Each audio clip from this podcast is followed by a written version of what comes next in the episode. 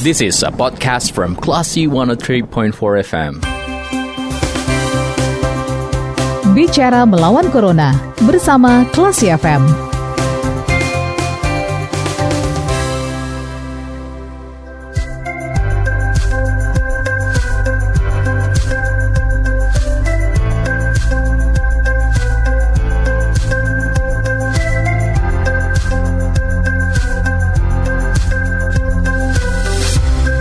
103,4 kelas FM bersama kita lawan Corona. Classy People, saatnya Anda kembali mencermati program Bicara Melawan Corona masih bersama saya Faris Sardana. Dan saat ini kita terhubung bersama Wakil Satgas COVID-19 RSAM Bukit Tinggi, yaitu Dr. Dedi Herman. Dan kita akan membahas mengenai apakah banjir ini dapat memperparah penularan COVID-19. Tapi kita akan sapa dulu dokter kita. Assalamualaikum, selamat sore dokter. Assalamualaikum warahmatullahi wabarakatuh. Waalaikumsalam warahmatullahi wabarakatuh juga Mas Faris ya. Apa kabar Assalamualaikum warahmatullahi wabarakatuh. Waalaikumsalam warahmatullahi wabarakatuh. Klasi FM mudah-mudahan kita seluruhnya dilindungi oleh Allah selama masa pandemi ini uh, dan juga para penyiar Klasi FM seluruhnya juga disehatkan Amin, sampai ya, terinfeksi menjadi garda terdepan untuk bersama masyarakat untuk mencegah penyebaran penularan COVID-19 ini. Insya Allah. Uh, Baik, dokter, uh, ini kita akan membahas mengenai uh, kondisi banjir yang sering terjadi akhir-akhir ini di wilayah di Indonesia, khususnya juga di Kota Padang yang saat ini memang dinyatakan sebagai zona merah COVID-19. Apakah benar, dok, uh, ketika banjir uh, bukan benar, ap apakah uh, banjir yang sering terjadi ini bisa memperparah kondisi COVID-19, dokter? Uh, jadi sebetulnya begini, bahwa virus itu nanti bisa berada di air bisa berada pada tempat-tempat yang terlindungi uh, dari sinar matahari dan bisa bertahan di sana. Hmm. Contohnya bahwa kalau misalnya dulu dikatakan virus di Cina itu dia bisa bertahan misalnya pada karton dua hari, pada kertas dua hari, hmm. pada uh, stainless steel sampai tiga hari. Namun kita ingat kalau dia suhunya di bawah 10 derajat Celcius virus yang harusnya mati itu bisa bertahan sampai satu bulan hmm. karena suhu ya dan karena tidak terkena sinar matahari. Artinya bahwa di tempat-tempat yang misalnya diselokan, digorong-gorong yang isinya air kotor bisa saja virus itu bertahan di sana. Hmm. Seperti itu. Bisa bertahan di sana. Kalau dia bisa bertahan di sana, dia artinya kalau misalnya terjadi banjir, virus tersebut bisa terbawa ke rumah, bisa terbawa ke tempat yang lain. Apabila rumahnya tidak dibersihkan dengan dengan dengan desinfektan dengan cara yang tidak benar, bahwa yang membersihkan juga tidak mencuci tangan dengan benar, hmm. bisa saja terinfeksi seperti itu, Mas Haris. Baik dokter, dan kita kutip dari situs WHO nih dok, ada penyakit yang menular lewat air yaitu water waterborne disease, misalkan ya. penyakit tifus, kolera, leptospirosis ya. dan dan ya. hepatitis H. Lalu gimana ya, dengan betul. virus corona dok? Uh, sebetulnya begini, kita tahu bahwa kalau misalnya ada virus, eh, orang batuk, kemudian dropletnya nanti nempel di meja, hmm. virusnya masih bertahan di situ, hmm. ya. Kemudian dipegang oleh orangnya, ya bisa pindah. Itu kalau biasanya berapa dia, lama, dokter?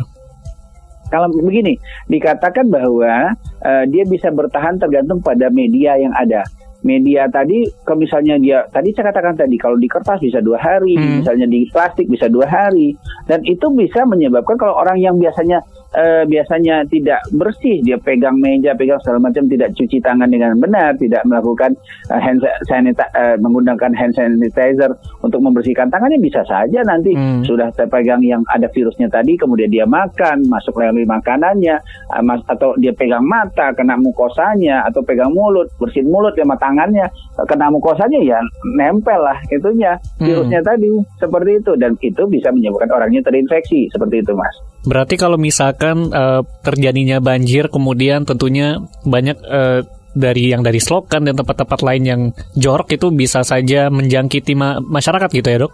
Bisa, pastilah bisa, karena dia bisa bertahan di situ. Hmm. Dan makanya kita di di eh, Prancis, di Cina itu dilakukan maka pengambilan sampel dari eh, tempat pembuangan air tadi. Hmm. Berapa jumlah kadar eh, virus yang ada di situ. Sehingga eh, ini menjadi masalah baru kalau misalnya jumlah virusnya sangat banyak.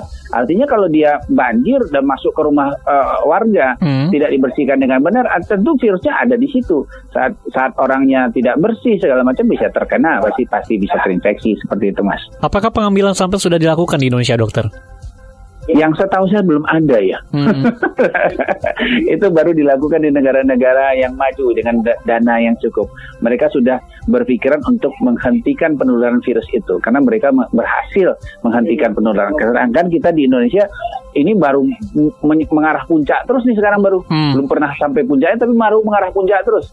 Eh, Belum, dan, i- hmm. ya, eh, dan kita tahu nanti kalau misalnya betul-betul terjadi outbreak di negara kita, kita nggak tahu nih apakah kita sanggup atau tidak. Hmm. Tapi secara keseluruhan bahwa kita seluruhnya petugas kesehatan uh, sudah bekerja se, se, upa- se- se- apa semampu kita dengan daya upaya kita untuk jangan sampai uh, terjadi penularan lebih luas di masyarakat. Seperti itu, Mas. Baik dokter, tadi dokter mengatakan bahwa ketika banjir itu bisa saja memungkinkan potensial untuk eh, terjadinya penularan COVID-19. Kit- Kemudian apa sih yang bisa dilakukan masyarakat dok? Yang apalagi masyarakat yang berada di kawasan rawan banjir ya dok? Ya, pertama tentu kalau rumahnya kebanjiran, tentu kita setelah selesai banjir, tentu kita harus membersihkan rumah dengan benar. Hmm. Untuk menggunakan desinfektan apakah sabun atau yang ada klorin segala macam kita bersihkan dengan membersihkan tempat-tempat yang terkena eh, oleh oleh oleh oleh eh, banjir tadi. Nah, eh, dan itu biasanya kalau kita masih ragu, biasanya per per dua hari kita bisa lakukan pembersihan kembali Hmm. seperti itu. Tapi tetap saja harus ada bahan dasarnya sabun. Hmm. Kemudian juga ada bahan dasarnya yang mengandung klorin. Ah, atau seperti yang kita tahu ada pemutih seperti merek-merek ya pemutih yang ada ataupun untuk pembersih lantai yang ada itu kita harus gunakan untuk membersihkan ruangan yang sudah terkena banjir tadi. Seperti itu, Mas. Itu kan kalau kondisinya banjirnya cepat surut dokter. Kalau misalkan Ya. banjirnya bisa berhari-hari seperti yang terjadi di DKI Jakarta itu bagaimana penanggulangannya dokter? Pertama tentu seperti kalau pemerintah DKI Jakarta karena kebetulan saya sekarang masih di Wisma Atlet ya Hmm. kalau daerahnya banjir tentu kita memindahkan orang-orang tersebut dari daerah banjir seperti Hmm. yang dilakukan oleh pemerintah DKI Jakarta. Hmm. Karena begini, selain dia itu virus corona, banyak virus yang lain ataupun banyak bakteri yang lain akan masuk ke rumah tersebut. Hmm. Apakah bakteri yang di dalam tanah, eh, kalau misalnya bakteri tanah itu terhirup atau masuk ke dalam orang, ke dalam tubuh orang yang eh, sehat pun itu bisa menyebabkan sakit. Hmm. Karena sampai saat ini kalau misalnya contohnya terjadi tsunami, orangnya tertelan atau masukkan ma- kemasukan eh, bakteri yang ada di tanah ke dalam paru-parunya itu sangat sulit untuk menyembuhkannya. Seperti Hmm. itu, Mas Faris. Berarti Jadi kalau artinya hmm, hmm. ke- eh, kai- eh, apa eh, kotoran tadi atau air kotor tadi yang masuk itu pasti akan membawa bakteri dan membawa penyakit seperti itu. Eh, apabila kita tidak melakukan dengan protokol yang benar untuk pembersihannya, pasti akan menimbulkan sakit kepada orang yang eh, terkena banjir tersebut. Jadi paling baik adalah tentu kita mencari tempat-tempat untuk eh, tinggal, tentu tempat-tempat yang bebas dari banjir seperti itu, Mas Haris. Dan ini juga sebenarnya juga eh, peringatan buat masyarakat ya mungkin ketika banjir masih sering main air gitu ya Ustaz, eh, eh, dokter kemudian eh, mungkin bersih bersih rumah kadang nggak sadar kalau ternyata itu bisa jadi eh, media penularan COVID-19. Ya, betul betul. Jadi yang paling penting begini, kalau kena banjir setelah itu mandi. Mandi itu saya sarankan tentu dengan air hangat. Hmm. Dengan suhu lebih dari 26 derajat Celcius ya, sekitar 30 yang hangat. Tujuannya kita adalah mematikan virus yang ada. Karena dengan eh, suhu dia bisa mati virusnya. Hmm. Kemudian juga setelah itu menggunakan eh, apa sabun ya, sabun dengan yang ada di pasaran yang bisa mematikan eh, ya virus ataupun bakteri yang melekat di tubuh kita. Banyak sekali bakteri dan virus yang terbawa oleh banjir. Namun kalau misalnya ada anak-anak yang hobi main air waktu hujan kayak begitu, tapi tetap Hmm. saja setelah itu tolong uh, mandi dengan benar seperti itu mas. Jangan meminum air kotor tadi. Iya. Kadang-kadang kan main sambil mandi. Nggak sadar terminum ya, Dok. Nggak sadar terminum. Hmm. Tapi ya, itulah Allah siapkan daya tahan tubuh kita di saluran cerna ada ada segala macam yang bisa mematikan virus atau bisa mematikan kuman. Tapi, tapi memang saya katakan bahwa siapa yang sakit itu sudah ada ketentuan dari Allah. Hmm. Cuma kita menjalani apa saja yang eh, apa eh, yang yang mungkin terjadi pada diri kita. Dan juga menghindari pemicu-pemicunya ya dokter. Tapi syaratnya tentu kita harus mengikuti protokol kesehatan yang benar, Hmm. menggunakan masker. Kenapa menggunakan masker? Karena dengan masker tadi bisa hangat saluran nafas, bisa mati virusnya dengan suhu yang lebih tinggi. Dengan masker, misalnya ada virus yang bisa masuk mungkin lewat sela-selanya, tapi jumlah virus tidak akan sebanyak tanpa menggunakan masker. Hmm. Masuk virus tadi akan datanglah antibodi atau daya tahan tubuh kita seperti makrofag yang lain-lain memakan virus tadi dan bisa mematikan virus tadi dan terbentuklah antibodi. Jadi Hmm. saat nanti datang lagi virus yang itu lagi, antibodi sudah tahu dan bisa mematikannya. Makanya itu sangat penting sekali kita menggunakan masker. Itu yang pertama. Kemudian yang kedua tentu mencuci tangan ya Mas Faris ya. Hmm. Mencuci tangan karena dengan cuci tangan lima langkah atau enam langkah dengan Hmm. benar itu akan dengan de- dengan sabun ya itu tentu saja akan mengurangi jumlah virus ataupun kuman yang ada di tangan telapak tangan kita sehingga aman. Kemudian juga kalau misalnya kita siap eh, ada buah yang kita beli segala macam yang pertama adalah cucilah dengan eh, apa dengan dengan eh, desinfektan yang Hmm. ramah lingkungan yang Hmm. bisa kita gunakan untuk buah-buah yang kita beli sebelum kita melakukan makan atau memakan buah-buah tersebut, Mas Faris. Kemudian dokter eh, buah-buahan atau makanan apa sih yang disarankan ketika eh, COVID ini masih melanda, kemudian juga banjir eh, atau curah hujan yang cukup tinggi yang bisa menyebabkan banjir, apa sih yang perlu kita konsumsi agar bisa menjaga daya tahan tubuh kita, dokter? Eh, pertama begini, eh, untuk kondisi sekarang, eh, sebetulnya saya cerita orang tua saya itu eh, juga terinfeksi, Hmm. terinfeksi eh, orang tua saya, kemudian dia tidak bisa mengkonsumsi obat-obat tertentu yang untuk anti COVID. Eh, hari Jumat positif, kemudian diber- saya berikan obat waktu itu ada cefiximnya, ada Hmm. saya tambah dengan azitromisin, ditambah dengan oseltamivir obat virusnya, ditambah dengan eh, vitamin C 2 kali 500, ditambah lagi dengan buah yang paling penting. Buah itu saya gunakan adalah buah yang berwarna merah, yang daging merah, Hmm. seperti buah naga, buah stroberi, kemudian semangka juga boleh, yang penting merah. Juga tomat ditambah dengan wortel ataupun eh, buah virus yang dagingnya merah itu terus terang sangat cepat membantu. Sehingga dalam satu minggu yang awalnya CT-nya 20 yang dikatakan sangat jarang itu cepat negatif. Ternyata setelah satu minggu hasilnya negatif. Diulang yang kedua tetap negatif. Jadi artinya benar-benar bahwa makanan dan minuman ya makanan yang terutama Hmm. makan yang buah-buah yang berwarna merah tadi minuman yang yang baik yang yang ah, yang jus eh, misalnya dari buah warna merah itu sangat sekali membantu daya tahan tubuh. Di samping pengobatan utama yang kita berikan untuk pasien COVID-nya yang berupa ah, antiviral Hmm. ataupun obat-obat yang meningkat bisa meningkatkan daya tahan tubuh seperti itu Mas Faris. Baik dokter. Terakhir dokter apa pesan buat Ya. masyarakat yang saat ini eh, mengalami kebanjiran di rumahnya dan juga tentunya buat pemerintah agar eh, bisa mengurangi debit eh, atau mengurangi curah curah atau curah banjir atau yang bisa sampai ke masyarakat ini dok.